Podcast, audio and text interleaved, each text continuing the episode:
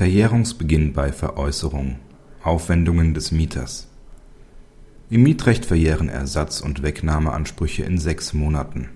Anders als bei Ansprüchen des Vermieters ist die Frist für Ansprüche des Mieters ab der rechtlichen Beendigung des Mietvertrags zu berechnen.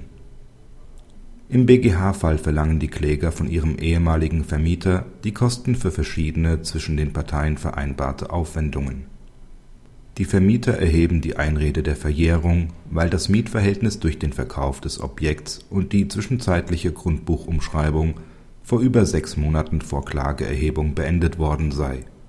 Vor dem BGH haben sie jedoch keinen Erfolg. Die Verjährungsfrist begann nach § 548 Absatz 2 BGB frühestens mit der Beendigung des Mietverhältnisses. Maßgeblich für die Berechnung der Frist ist der rechtliche und nicht der tatsächliche Beendigungszeitpunkt.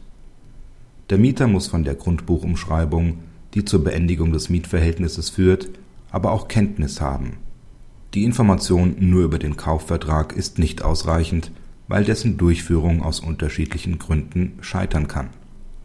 Kritik Die Entscheidung entspricht hinsichtlich des Beginns der Verjährungsfrist mit der rechtlichen Beendigung des Vertrags der herrschenden Meinung Insoweit ist ihr auch zuzustimmen.